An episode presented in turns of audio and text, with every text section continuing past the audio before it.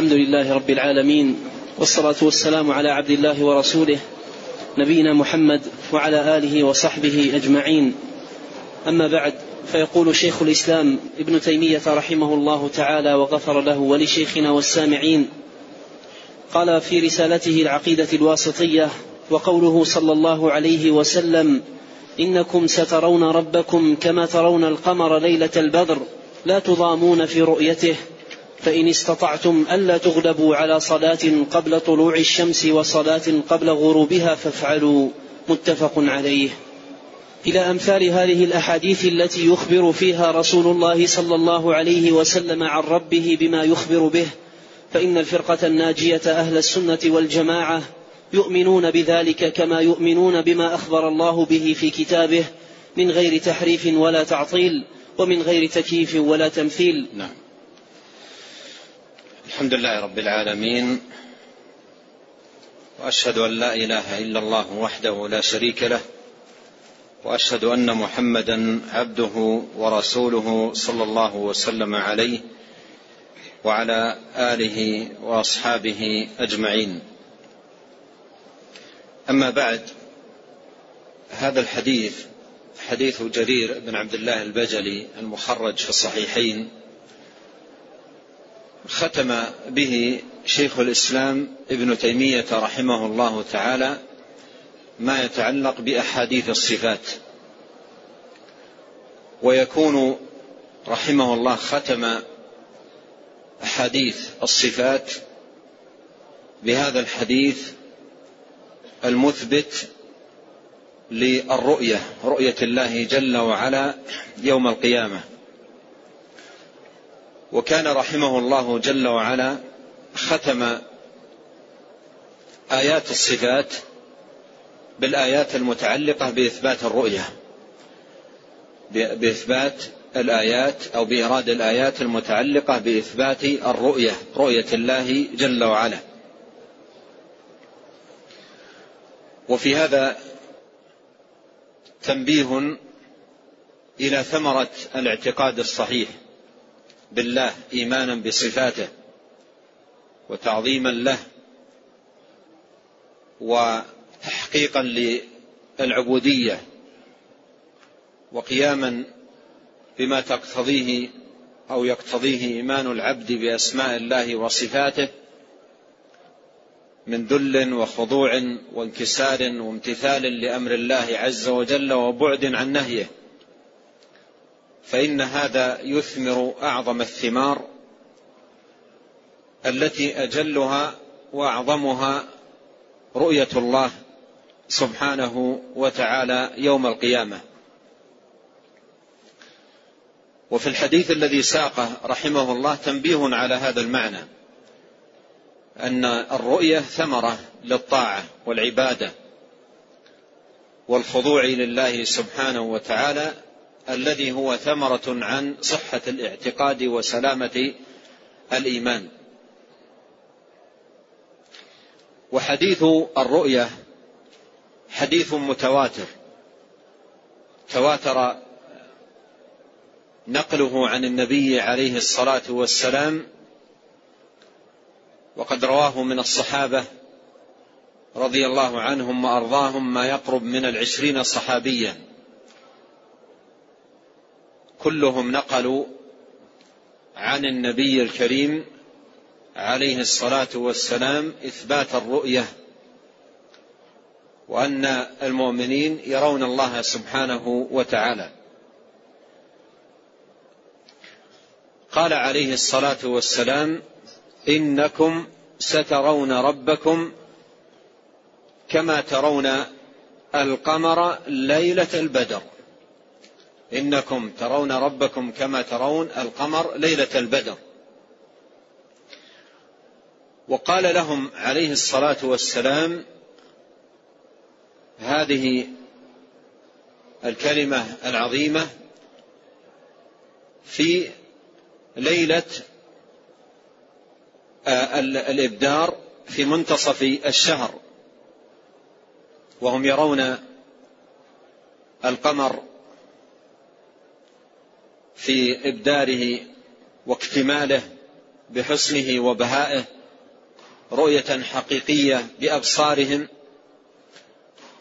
دون أن يحصل تزاحم لأجل الرؤية لأن الشيء الدقيق إذا أراد أن يراه جماعة ربما يتزاحمون لعدم تمكن بعضهم من رؤيته وهذا أمر نعلمه. عندما يجتمع ناس على رؤية شيء دقيق يتزاحمون حتى يتمكنوا من الرؤية. ينضم بعضهم إلى بعض ويتزاحمون. وربما أيضا حصل لهم ضيم بأن يراه بعض دون بعض. لكن القمر ليلة البدر ليس بين الناس وبينه حجاب لا غيم ولا قتر ولا غير ذلك. يرونه جميعا بدون تضام وبدون ضيم. الكل يراه. فيقول عليه الصلاة والسلام إنكم والخطاب للمؤمنين دون الكفار. لأن الكفار قال الله عنهم كلا إنهم عن ربهم يومئذ لمحجوبون.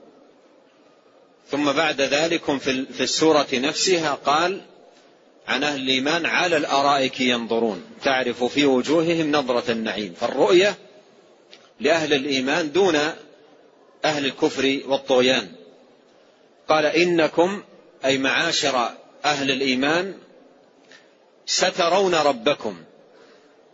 إنكم فيها التأكيد والسين أيضا فيها التأكيد. السين مؤكدة. ف فاشتملت هذه الجملة على تأكيد من بعد تأكيد. وجاء في بعض الروايات أنه قال عيانا أي معاينة بالأبصار.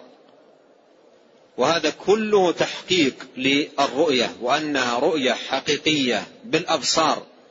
يراه أهل الإيمان بأبصارهم رؤية حقيقية.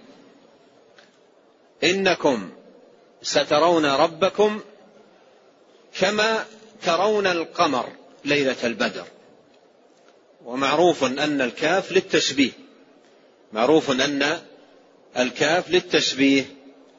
قال كما ترون القمر. والتشبيه هنا للرؤية بالرؤية وليس للمرء بالمرء.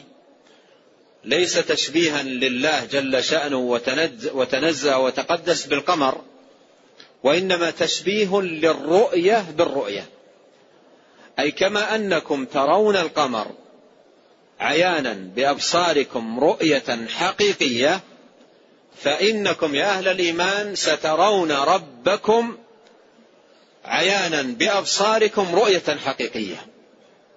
فإذا التشبيه هنا للرؤية بالرؤية وليس للمرء بالمرء.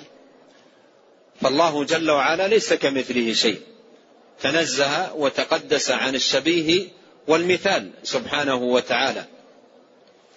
قال كما ترون القمر. وهذا تحقيق للرؤية. وأنها رؤية حقيقية مثل ما أنكم ترون القمر من فوقكم فسترون الله سبحانه وتعالى. فسترون الله سبحانه وتعالى كذلك. يراه أهل الإيمان من فوقهم جل وعلا. ينظرون إليه بأبصارهم رؤية حقيقية. وهذا أكمل نعيم يناله أهل الجنة. ولهذا جاء في الصحيح في الصحيحين عن أبي هريرة أن النبي عليه الصلاة والسلام قال إذا دخل أهل الجنة الجنة يقول الله هل تريدون شيئا أزيدكم؟ فيقولون ألم تبيض وجوهنا؟ ألم تدخلنا الجنة؟ ألم تنجنا من النار؟ قال فيكشف الحجاب فينظرون إلى الله فما أعطوا شيئا أحب إليهم من النظر إليه سبحانه وتعالى. فهذا النظر هو أعظم نعيم وأعظم أعظم نعيم يناله أهل الجنة في الجنة وهو نظر حقيقي يناله أهل الإيمان ويحظون به بأبصارهم حقيقة. قال إنكم سترون ربكم كما ترون القمر. القمر معروف ويطلق عليه هذا الاسم من بعد آه، اليوم الثالث من الشهر أو الليلة الثالثة من الشهر. الثلاث الليالي الأولى وهذه فائدة مهمة قيدوها نحتاج إليها. الثلاث الليالي الأولى من الشهر يكون هلالا. بعدها يكون قمرا. بعدها يكون قمرا. فالليالي الثلاث الأول من الشهر يكون هلالا. ونحتاج إليها لأن النبي عليه الصلاة والسلام قال إذا رأيتم أو كان إذا رأى الهلال كان إذا رأى الهلال قال اللهم أهله علينا باليمن والإيمان والسلام والإسلام. هذه ما تقال في الليلة الخامسة أو السادسة أو السابعة لأنه أصبح قمرا. وإنما تقال في الثلاث الليالي الأول التي يكون فيها هلالا. ويحرص على المبادرة من أول الشهر. لكن إذا ما تنبأ في الليلة الأولى الليلة الثانية ما تنبأ في الثانية الثالثة. أما إذا صار قمرا فيكون فات وقت هذا وقت هذا الدعاء. اللهم أهله علينا باليمن والإيمان والسلامة والإسلام. كان يقول ذلك إذا رأى الهلال. أي في أول الشهر. وهذه الدعوة في أول الشهر مناسبة تمام المناسبة. ودائما دعوات النبي عليه الصلاة والسلام تأتي بالمعاني المناسبة للأوقات. مناسبة تامة. والشهر عندما يرى الإنسان الهلال في أوله يكون بداية شهر جديد. بداية شهر جديد. فيناسب أن يلجأ إلى الله سبحانه وتعالى في مبدأ هذا الشهر الجديد أن يهله الله باليمن والإيمان والسلامة والإسلام. وفي رواية بالأمن والإيمان والسلامة والإسلام.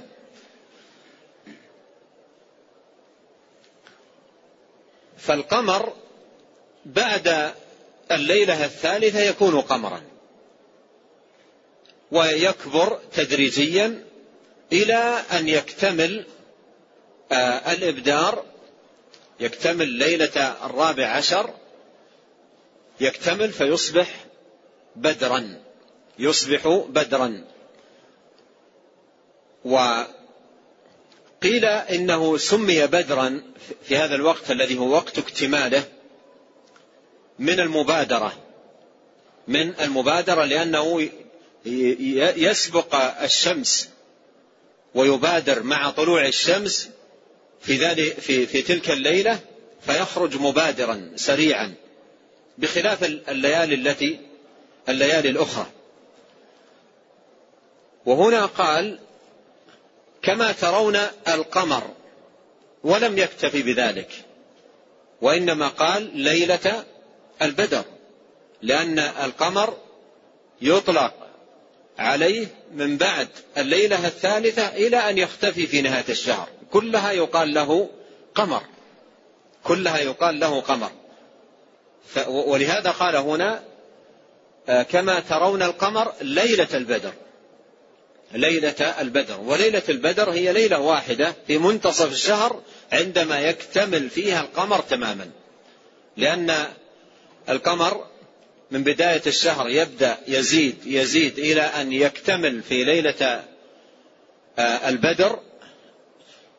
ثم بعدها يبدأ ينقص إلى نهاية الشهر.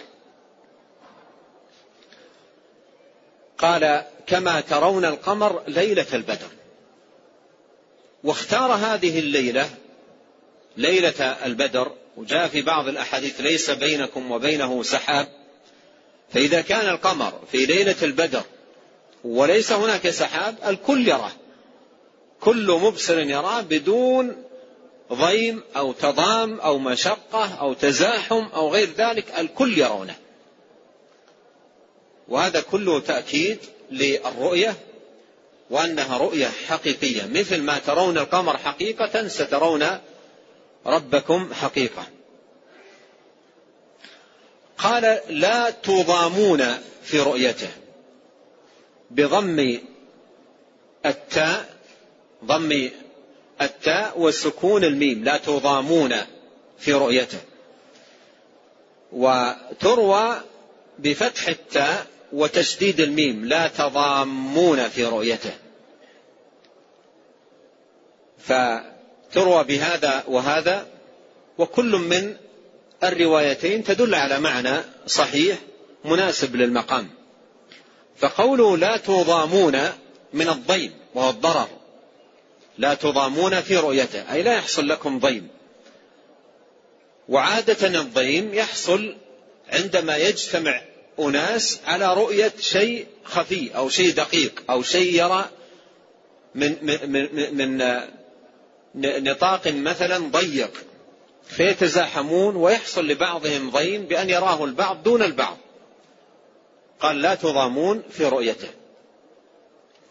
والرواية الأخرى بفتح التاء وتشديد الميم لا تضامون في رؤيته. من التضام وهو التزاحم.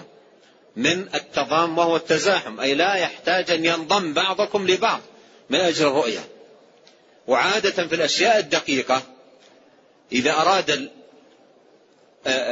مجموعة من الناس أن يروا الشيء الدقيق مثل الهلال تجد الرؤوس تقترب من بعض والأصابع تشير إلى جهة معينة كل يحاول أن يحدد المكان أو الوجهة حتى تحصل الرؤية بهذا التضام والتزاحم. والتقارب. فنفى ذلك. قال لا تضامون. لا لا تضامون في رؤيته. يعني لا يحتاج أن ينضم بعضكم إلى بعض من أجل الرؤية. إذا ما أكرمها من رؤية وما أعظمها وما أجل شأنها اللهم أكرمنا بها أجمعين ومن علي علينا بها يا عظيم. فهذه رؤية يكرم الله سبحانه وتعالى بها أهل الإيمان والنبي الناصح الأمين صلوات الله وسلامه عليه يبسط الألفاظ والمعاني يثبت الرؤية ويحققها. وقاتل الله أهل الباطل ما أشد إضرارهم ب على الناس في أديانهم وعقائدهم.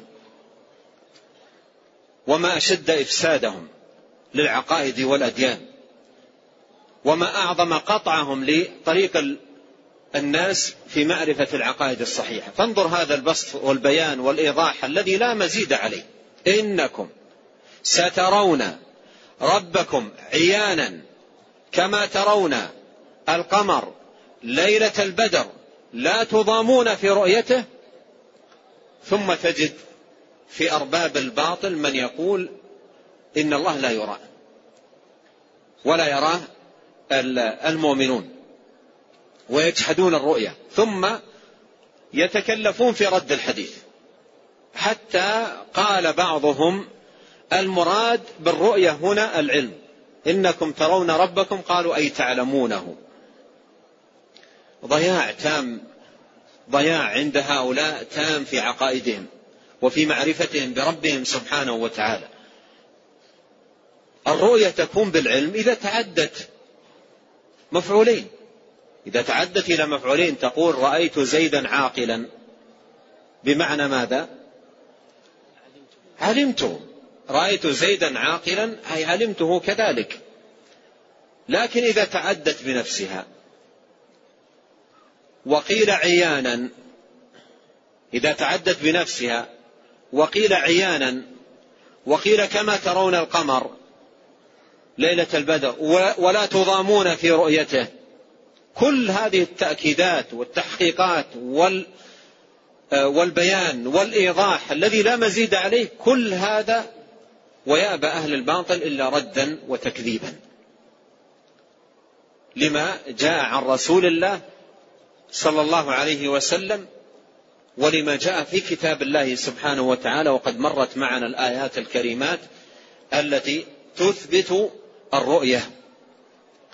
وجوه يومئذ ناظرة إلى ربها ناظرة. مرت معنا الآيات إلى ربها ناظرة. أسند الرؤية إلى الوجه وعداها بإلى ولا تكون في مثل هذا إلا آه، الرؤية التي بالباصرة التي هي العين. مع كل هذا البيان البين والوضوح والدلائل المتضافرة إلا أن أهل الباطل يأبون إلا رد ذلكم وتكذيبه. وقد قال الأئمة ومنهم الإمام الشافعي رحمه الله تعالى قالوا كلاما معناه حقيق بمن أنكر الرؤية أن الله يرى يوم القيامة أن يحرم من هذا النعيم يوم القيامة. حقيق بمن أنكر ذلك وجحده أن يحرم من يوم القيامة. لماذا؟ لأنه لم يقم يوما في قلبه طمع أن يرى الله. ما قام في قلبه طمع. فضلا عن أن يسأل الله سبحانه وتعالى ذلك. وقد صح في الدعاء عن نبينا عليه الصلاة والسلام كما في حديث عمار بن ياسر أنه كان يقول في تمام الصلاة اللهم إني أسألك لذة النظر إلى وجهك والشوق إلى لقائك في غير ضراء مضرة ولا فتنة مضلة. يسأل الله عز وجل في صلاته سؤالا متكررا لذة النظر إلى وجهه. وهكذا أهل الإيمان يسألون الله سبحانه وتعالى. نسأل الله لنا أجمعين لذة النظر إلى وجهه في غير ضراء مضرة ولا فتنة مضلة. وقول في هذا الدعاء في غير ضراء مضرة ولا فتنة مضلة الرؤية لا تكون إلا بمفارقة الحياة وبالموت. لن تروا ربكم حتى تموتوا. فنص أنه يسأل الله عز وجل الرؤية التي تكون يوم القيامة شوقا إلى الله. ليس سبب ذلك ضراء مضرة حصلت له ولا فتنة مضلة. أحيانا الإنسان تصيبه ضراء أي مصيبة ألم شديد متعب فيتمنى الموت من أجل ماذا؟ الضراء التي أصابته. وقد قال عليه الصلاة والسلام لا يتمنين أحدكم الموت لضر مسه. وأحيانا تكون فتن عظيمة يخشى الناس منها. فقد يتمنى بعض الناس الموت للسلامة منها. فهنا محض طلب الرؤية للشوق.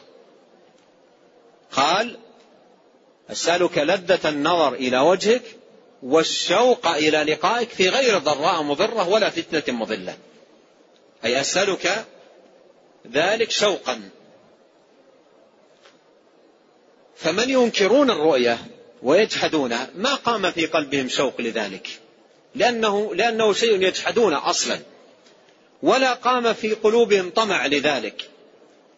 لأنهم يجحدون ذلك أصلا. ولا دعوا ربهم يوما أن يكرمهم بذلك. لأنهم يجحدون ذلك أصلا. ولهذا قال الأئمة ومنهم الشافعي كما أسلفت أن من يجحد الرؤيا وينكرها حقيق أن يحرم منها وأن يكون شأنه في هذا المقام كشأن من قال الله عنهم كلا إنهم عن ربهم يومئذ لمحجوبون يعاقب بالحجب فلا فلا يرى الله سبحانه وتعالى.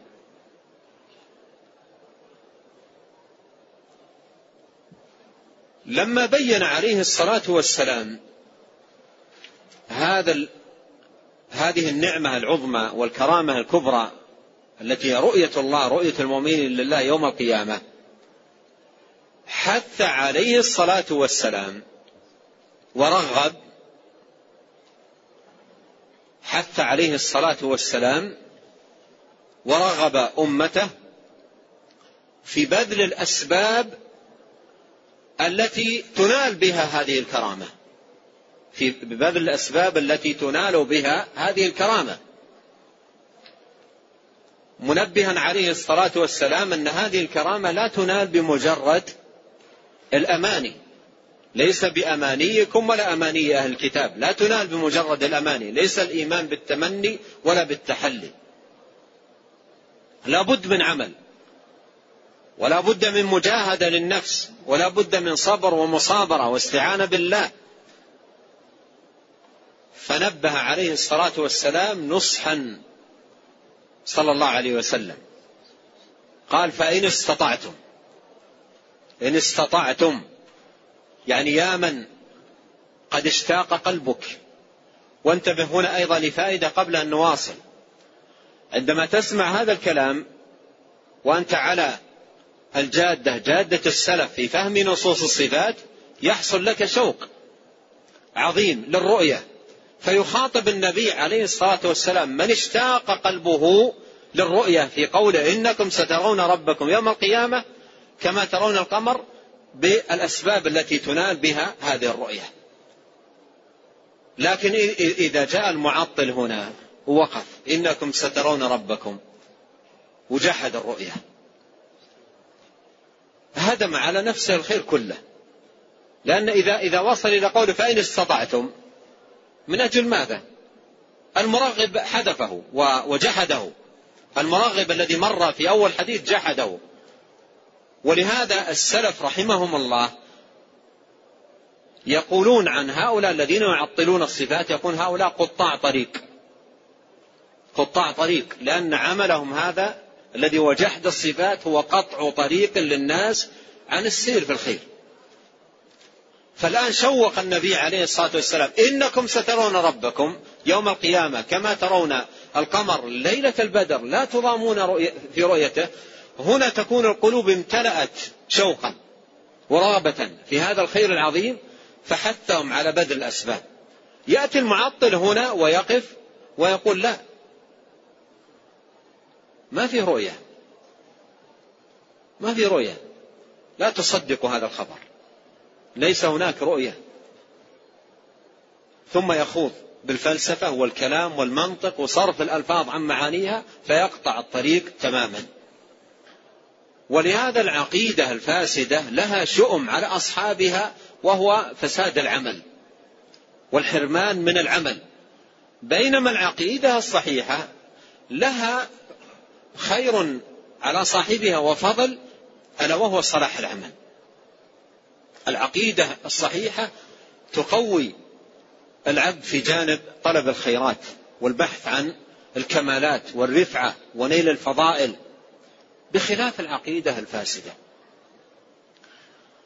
إذا لما اشتاقت القلوب لهذه لهذا الأمر العظيم ولهذه الكرامة العظيمة حتى عليه الصلاة والسلام على بذل الأسباب فقال فإن استطعتم ألا تغلبوا على صلاة قبل طلوع الشمس وصلاة قبل غروبها فافعلوا. ذكر هنا أعظم أعمال الدين بعد الشهادتين بعد التوحيد وهو الصلاة. وحث عليها ورغب. منبها عليه الصلاة والسلام إلى وجود صلة بين الصلاة والرؤية. بين الصلاة والرؤية. كأنه يقول عليه الصلاة والسلام إذا أردتم لأنفسكم أن تحظوا بالرؤية فلا تضيعوا الصلاة التي افترضها الله عليكم. لا تضيعوا الصلاة التي افترضها الله عليكم. وخص الفجر والعصر بالذكر. صلاة قبل طلوع الشمس أي صلاة الفجر. وصلاة قبل غروبها أي صلاة العصر. وهاتان الصلاتان لهما خصوصية من بين الصلوات الخمس. وفيهما فضائل خاصة. ورد فيهما أحاديث كثيرة جدا في فضل هاتين الصلاتين. واختار عليه الصلاة والسلام الصلاة لأنها أعظم أعمال الإسلام واختار هاتين الصلاتين لأنها أفضل الصلوات.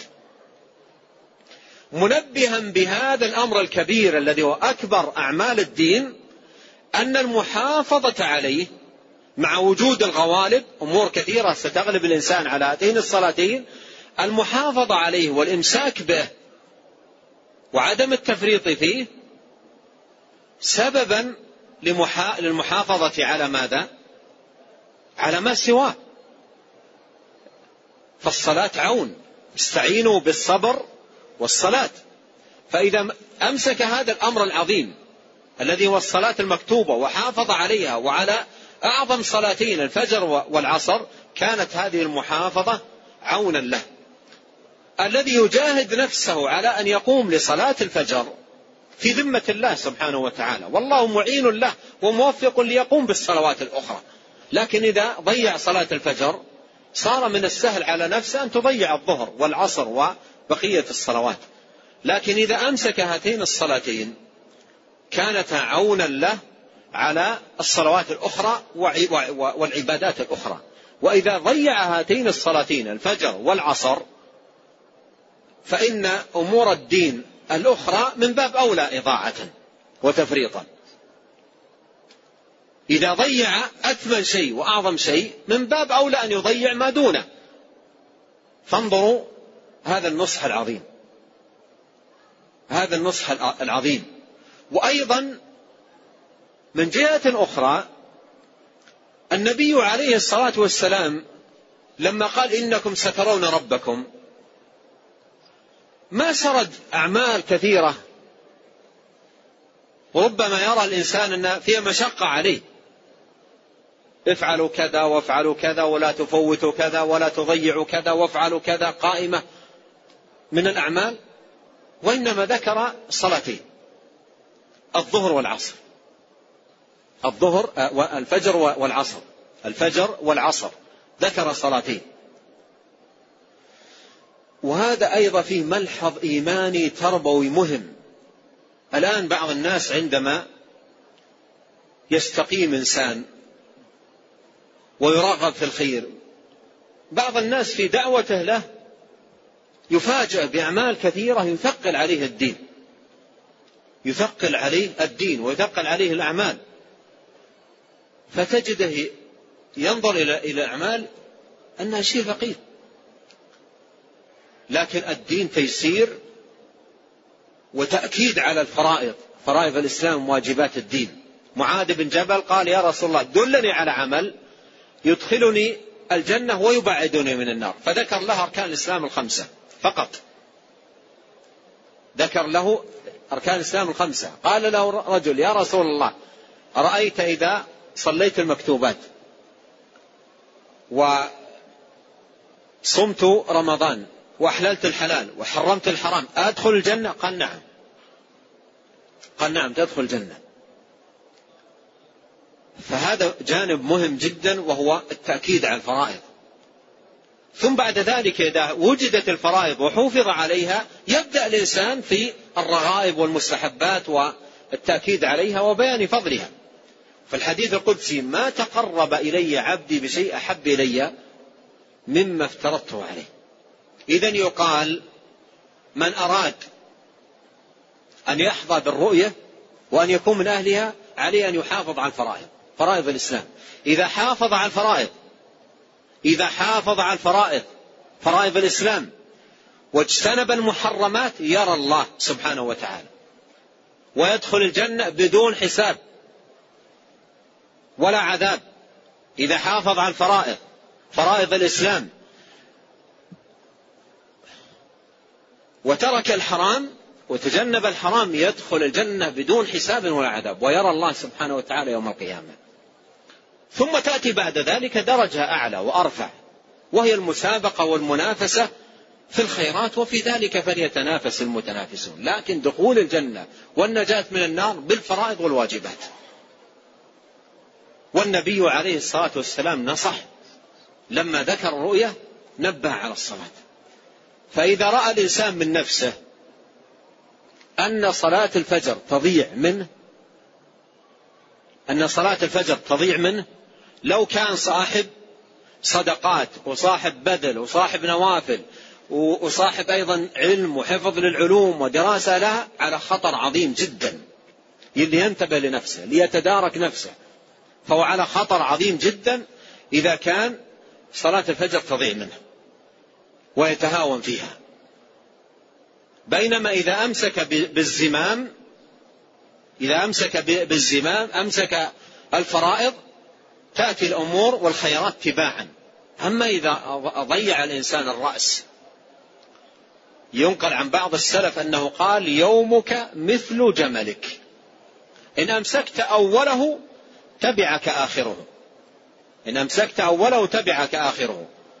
بينما إذا ضيع الإنسان صلاة الفجر ضاع اليوم. ضاع اليوم. ويكون جنى على يومه جناية عظيمة جدا.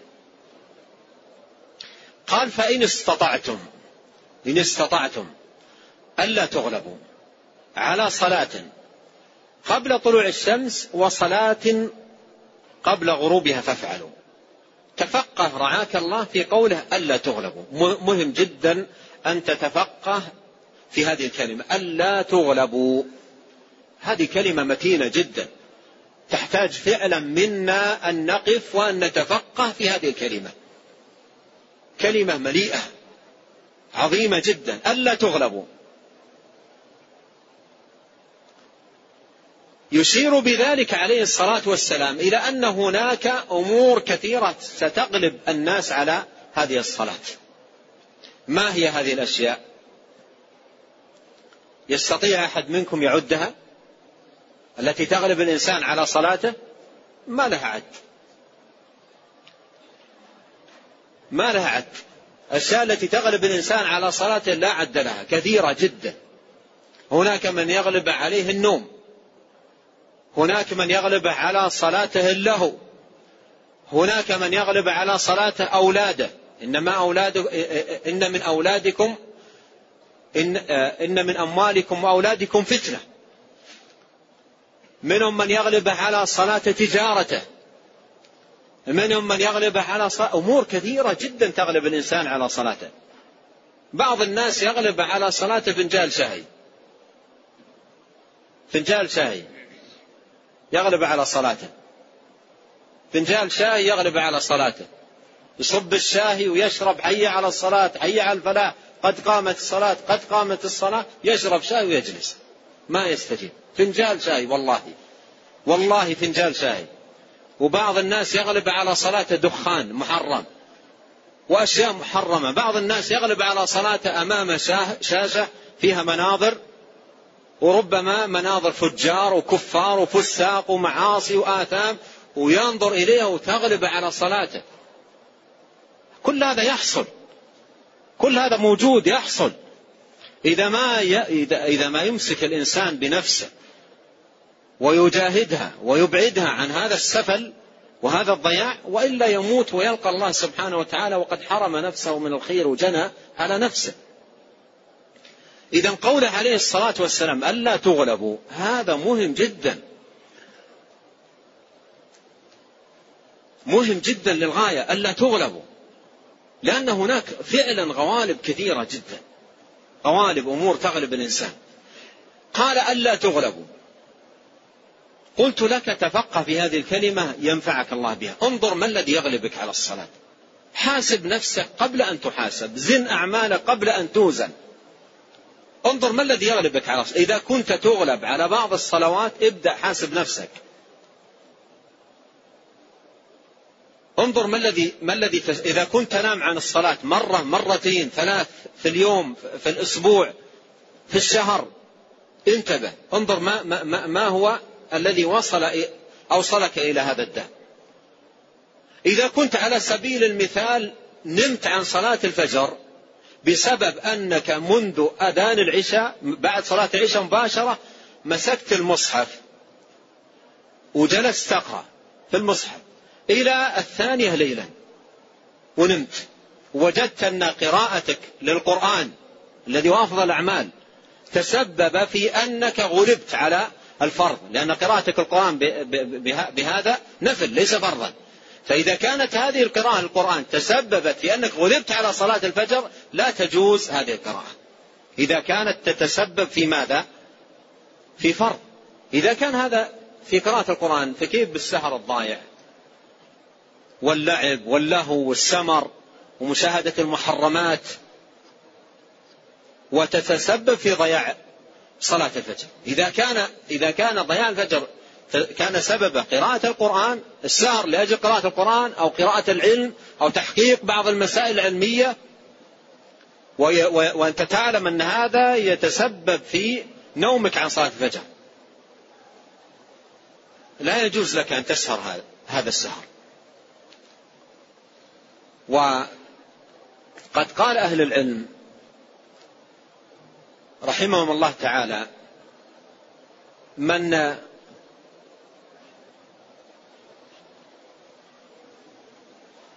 قال بعض أهل العلم رحمهم الله من آه، شغله من شغله الفرض عن النفل فهو معذور.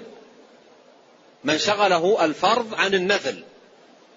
مثلا شخص قال لزملائه والله عندنا مسألة علمية الليلة نسهر عليها نحققها بحيث نضبطها. وقال لهم اسمحوا لي. أنا إذا سهرت معكم تثقل علي صلاة الفجر. هذا معذور. من شغله الفرض عن النفل معذور.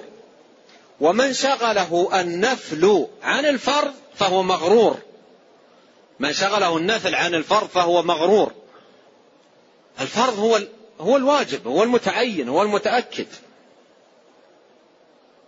هو الذي تكون به النجاة وتكون به دخول الجنات. فالنبي عليه الصلاة والسلام نصح وقال ألا تغلبوا. إذا نحتاج فعلا أن نتفقه في هذه الكلمة ألا تغلبوا. وأيضا أن يتسع النظر إلى الأمور الكثيرة التي غلبتنا على أو غلبت كثير منا على صلاة الفجر. خاصة على صلاة الفجر خاصة. وعلى الصلوات الأخرى. وفي السلسلة الصحيحة للألباني حديثا صححه رحمه الله والعهد عليه. يقول فيه عليه الصلاة والسلام إن أفضل الصلوات عند الله صلاة الفجر يوم الجمعة في جماعة. أفضل الصلوات عند الله يوم الفجر صلاة الفجر يوم الجمعة في جماعة. ولو بحثت في الأحياء لو بحثت في الأحياء وبحثت مع أئمة المساجد وقلت له ما هي أكثر صلاة تضيع على مدار الأسبوع؟ ما هي أكثر صلاة تضيع على مدار الأسبوع؟ يقول لك ماذا؟ صلاة الفجر يوم الجمعة. صلاة الفجر يوم الجمعة. ويضيعها كثير من الناس لسببين والأول أعظم من الثاني. الأول لأجل السهر ليلة الجمعة ليلة إجازة. ويسهرون إلى الثالثة ليلا إلى قبيل الفجر بقليل ثم ينامون عن صلاة الفجر. والجيد منهم إذا حدثته نفسه بصلاة الفجر قال الفجر فيها السجدة وهل أتى؟ يوم الجمعة فيها السجدة وهل أتى؟ وأنا والله تعبان سهران كل الليل وأبدأ الصلاة مع الإمام من أول ركعة ويقرأ هل أتى؟ والله ما أستطيع. فيبدأ مع نفسه في قلقلة. ويبدأ الركعة الأولى يتركها. تنتهي السجدة ويأتي في الركعة الثانية. وبعضهم يستثقل. هل أتى ويقول لا ما دام أدرك هذا خلني أجعل الركوع. ولا يزال يتأخر حتى يؤخره الله في النار. لا يزال الإنسان يتأخر عن الخير وعن هذه الفرائض تدريجيا حتى يؤخره الله في النار. المسألة ما هي لعب؟ المسألة حساب للنفس مجاهدة. اصبروا وصابروا ورابطوا. والذين جاهدوا فينا. ما هي لعب المسألة؟ المسألة جد. جد ومحاسبة للنفس أحد الصالحين. توفي رحمة الله عليه. من أهل المدينة. كان ما يفوت الفجر. ما يفوت الفجر. ويوم من الأيام ضبط الساعة على عادته. ولكن الساعة ما اشتغلت. ليس من تفريط منه. الساعة ما اشتغلت. وقام وإذا الصلاة طلعت صلاة فجر طلعت. وحصل له ألم شديد جدا على فوات صلاة الفجر عليه في تلك المرة ألم شديد جدا. مثل شخص فقد آه، ملايين الريالات أو أكثر. ألم شديد في قلبه. ورأسا توضأ وصلى في مكانه وجاء للمسجد النبوي وجلس إلى أذان العشاء إلى صلى العشاء. يريد بهذا أن يعوض هذا الذي فاته وجلس حتى صلى العشاء ثم صرف ويستغفر ويتوب ويلجأ إلى الله سبحانه وتعالى. وترى في الناس الآن حتى بعض الذي ينتسب للعلم وطلب العلم يفوت في الأسبوع مرة مرتين ثلاث. صلاة الفجر عادي جدا. ولا كأن شيء حصل. حتى بعضهم ما يحس بحزة ولا ألم. ما يحس. لأن كثرة الإمساس يضعف الإحساس.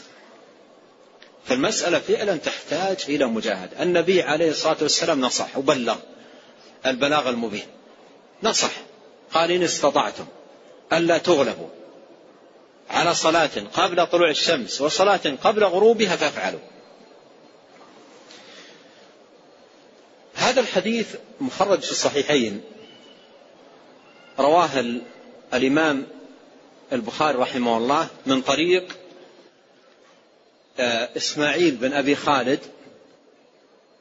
عن قيس بن أبي حازم عن جرير بن عبد الله البجلي رضي الله عنه وذكر الحديث. في صحيح البخاري بعد الحديث إسماعيل بن أبي خالد رحمه الله قال افعلوا افعلوا قبل ألا ها افعلوا قبل ألا تتمكنوا أو قبل أن نعم افعلوا قبل أن يفوتكم أو كلمة نحو ذلك. افعلوا قبل أن يفوتكم. تفاعل مع الحديث وأن المسألة عمل. وهكذا كان دأب السلف رحمهم الله. هذا دأبهم. أما نحفظ أحاديث ونقرأ ونشرح متون ونتعلم ثم بعد الدرس مباشرة تفوتنا صلوات أو في اليوم نفسه تفوتنا صلوات هذه مصيبة مصيبة عظيمة. قال افعلوا قبل افعلوا قبل أن لا تفعلوا. أو كلمة قريبة من, من, من هذا المعنى. قال إنكم سترون ربكم كما ترون القمر ليلة البدر لا تضامون في رؤيته فإن استطعتم ألا تغلبوا على صلاة قبل طلوع الشمس وصلاة قبل غروبها فافعلوا. وجاء في بعض الروايات ثم تلا قول الله تبارك وتعالى وسبح بحمد ربك قبل طلوع الشمس وقبل الغروب. قبل طلوع الشمس التي هي صلاة الفجر وقبل الغروب التي هي صلاة العصر. لما أنهى رحمه الله ذكر الأحاديث قال إلى أمثال هذه الأحاديث. إلى أمثال هذه الأحاديث. منبها بذلك إلى أنه ذكر بعض الأمثلة. لم يستقصي وإنما ذكر بعض الأمثلة التي تدل على ما سواها وترشد إلى غيرها. والباب فيها واحد. قال التي يخبر فيها. رسول الله صلى الله عليه وسلم عن ربه بما يخبر به أي بما يخبر به من صفات. فالنبي عليه الصلاة والسلام مر معنا أخبر عن الله بأنه آه، يفرح وأنه ينزل إلى السماء الدنيا وأنه يضحك وذكر عليه الصلاة والسلام في أحاديث عديدة صفات لربه سبحانه وتعالى أخبر بها يخبر فيها رسول الله صلى الله عليه وسلم عن ربه بما يخبر به قال فإن الفرقة الناجية الناجية من ماذا؟ الناجية في الدنيا من من الأهواء والضلالات ويوم القيامة من النار وعقوبة الله سبحانه وتعالى. أهل السنة والجماعة أهل السنة والجماعة يؤمنون بذلك أي بهذا الذي أخبر به الرسول صلى الله عليه وسلم عن ربه كما يؤمنون بما أخبر الله به في كتابه العزيز وهذا فيه أن القول في الأحاديث المروية عن النبي عليه الصلاة والسلام القول فيها كالقول في الآيات التي جاءت في القرآن. لأن الأحاديث المروية عن عنه صلى الله عليه وسلم سواء جاءت بطريق التواتر أو جاءت بأخبار الآحاد تلقتها الأمة بالقبول فهي تفيد العلم واليقين ويجب الإيمان بها. وتبنى عليها العقائد والأديان والعبادات.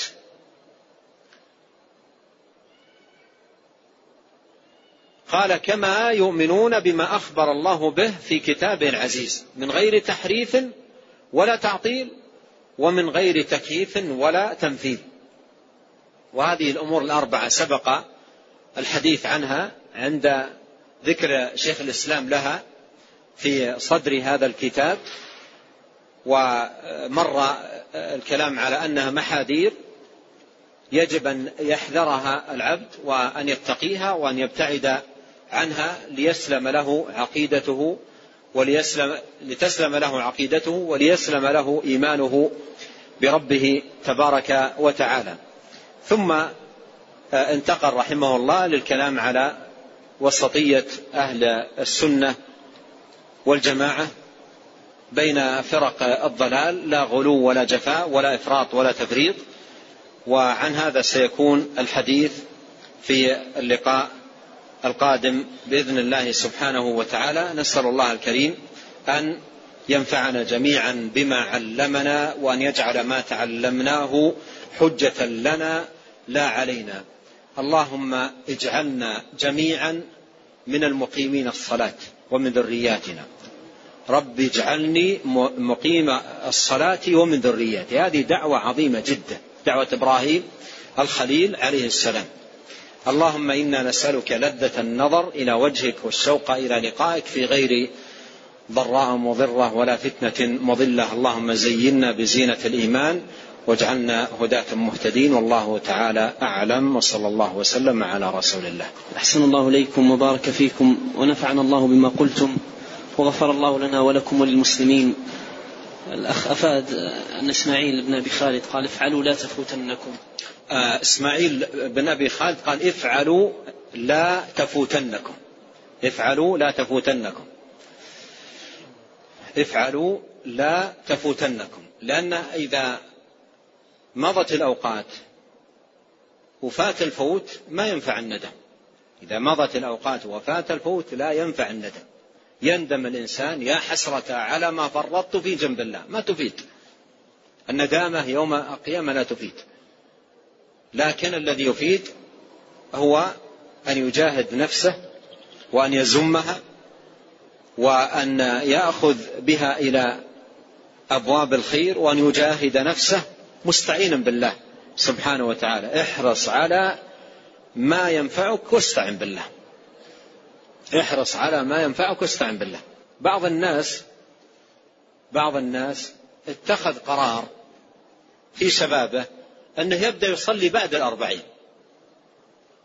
اتخذ قرار في شبابه أنه يبدأ يصلي بعد الأربعين. ويقول بعضهم أريد أن أستمتع بشبابي. أستمتع بشبابي ثم يبدأ يصلي يقول بعد الأربعين. و وإذا وصل الأربعين يأتيه الشيطان ويقول زد استمتع بعد. خلها بعد الستين. ويزيد يستمتع إلى بعد الستين. وإذا بقي حيا يطلب من الشيطان استمتاعا آخر إلى أن يموت. ولا زال الشيطان بالناس تلاعبا وتضييعا لأديانهم بالأمل الطويل والتسويف والتأجيل حتى دخل خلق الحفر وغادروا هذه الحياة وهم مضيعين ما خلقهم الله سبحانه وتعالى لأجله وأوجدهم لتحقيقه. فإسماعيل بن أبي خالد رحمه الله أثبت هذه النصيحة بعد روايته لهذا الحديث. قال افعلوا لا تفوتنكم. لأن إذا فاتت انتهى. افعلوا لا تفوتنكم. افرض أن شخص قال سأبدأ الصلاة من بكرة إن شاء الله الفجر. وقبضت روحه بالليل. يقال افعل لا تفوتنك. افعلوا لا تفوتنكم إذا فعلا قال أبدأ الصلاة إن شاء الله من بكرة الفجر. وفي الليل صار له حادث وتوفي. فات. افعلوا لا تفوتنكم. فمن الخير الإنسان أن يجاهد نفسه قبل أن يفوته هذا الخير العظيم والفضل العميم نعم. أحسن الله إليكم وبارك فيكم. يقول هل ثبت أن رؤية الله جل وعلا في الجنة تتكرر؟ نعم. رؤية الله عز وجل في الجنة تتكرر ويتفاوت أيضا آه، أهل الجنة فيها ونصيبهم فيها بحسب حظهم من درجة الإيمان. فالسابقون درجتهم في الجنة ونعيمهم فيها أعلى من غيرهم. ولكل درجات مما عملوا وليوفيهم أعمالهم وهم لا يظلمون. نعم. أحسن الله إليكم. يقول وأي نعمة في الجنة أعظم؟ رؤية الله جل وعلا أم رضوانه؟ آه رضوان الله جل وعلا أكبر. رضوان الله أكبر نعيم. وقد قال الله سبحانه وتعالى ورضوان من الله أكبر. ورضوان من الله أكبر. أي أكبر من كل نعيم. من نعيم الجنة مثل المساكن والمطاعم والمشارب والأنهار وغير ذلك قال ورضوان من الله أكبر ورضوان من الله أكبر. ورؤية المؤمن لله سبحانه وتعالى هي ثمرة من ثمار, من ثمار رضا ربه سبحانه وتعالى عنه. نعم. أحسن الله إليكم وبارك فيكم. يقول وهل رؤية الله جل وعلا قبل دخول الجنة تختلف عن رؤيته بعد دخولها؟ هذه الرؤية التي تكون في عرصات يوم القيامة هذه رؤية, رؤية للمحاسبة والمجازات وينقسم بعدها الناس إلى فريقين فريق في الجنة وفريق في السعير. فالله سبحانه وتعالى يجيء يوم القيامة لفصل القضاء. والرؤية التي هي خاصة بأهل الإيمان رؤية النعيم والإكرام واللذة والاغتباط والفرحة والسرور والنظرة التي تكون لهم في جنات النعيم. وأما الكفار فلا يحظون بذلك كما قال الله كلا إنهم عن ربهم يومئذ لمحجوبون. نعم. أحسن الله إليكم. يقول ما المانع من تكييف الرؤيا مع أنها من فعل العبد؟ التكييف في الصفات وفيما يتعلق بالأمور المغيبة لا يجوز. تكييف لا يجوز. وإنما يقال نرى الله حقيقة بأبصارنا عيانا بلا ضيم ولا ضرر كما أخبر بذلكم الصادق المصدوق صلوات الله وسلامه عليه. نعم. أحسن الله إليكم وهل يصح القول أن النبي صلى الله عليه وسلم كيفها لما شبهها برؤية القمر؟ لا هذا التشبيه هنا للرؤية بالرؤية كما أسلفت. الرؤية بالرؤية.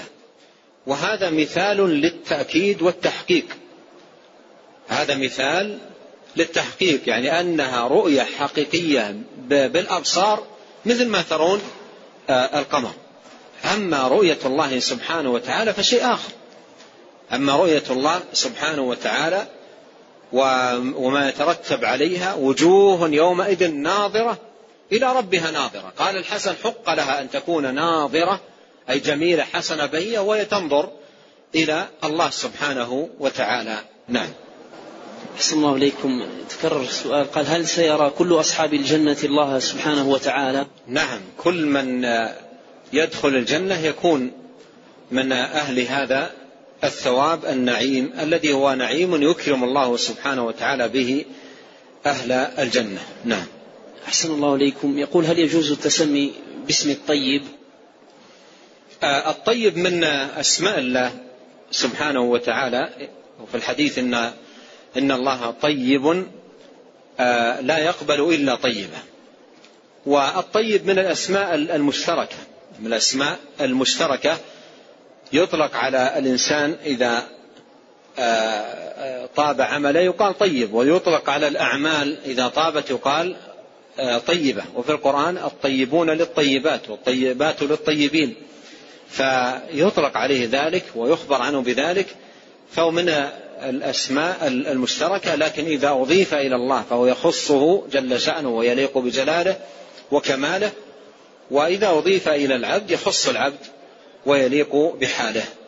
ونكتفي بهذا والله تعالى أعلم. وصلى الله وسلم على عبده ورسوله نبينا محمد وآله وصحبه أجمعين.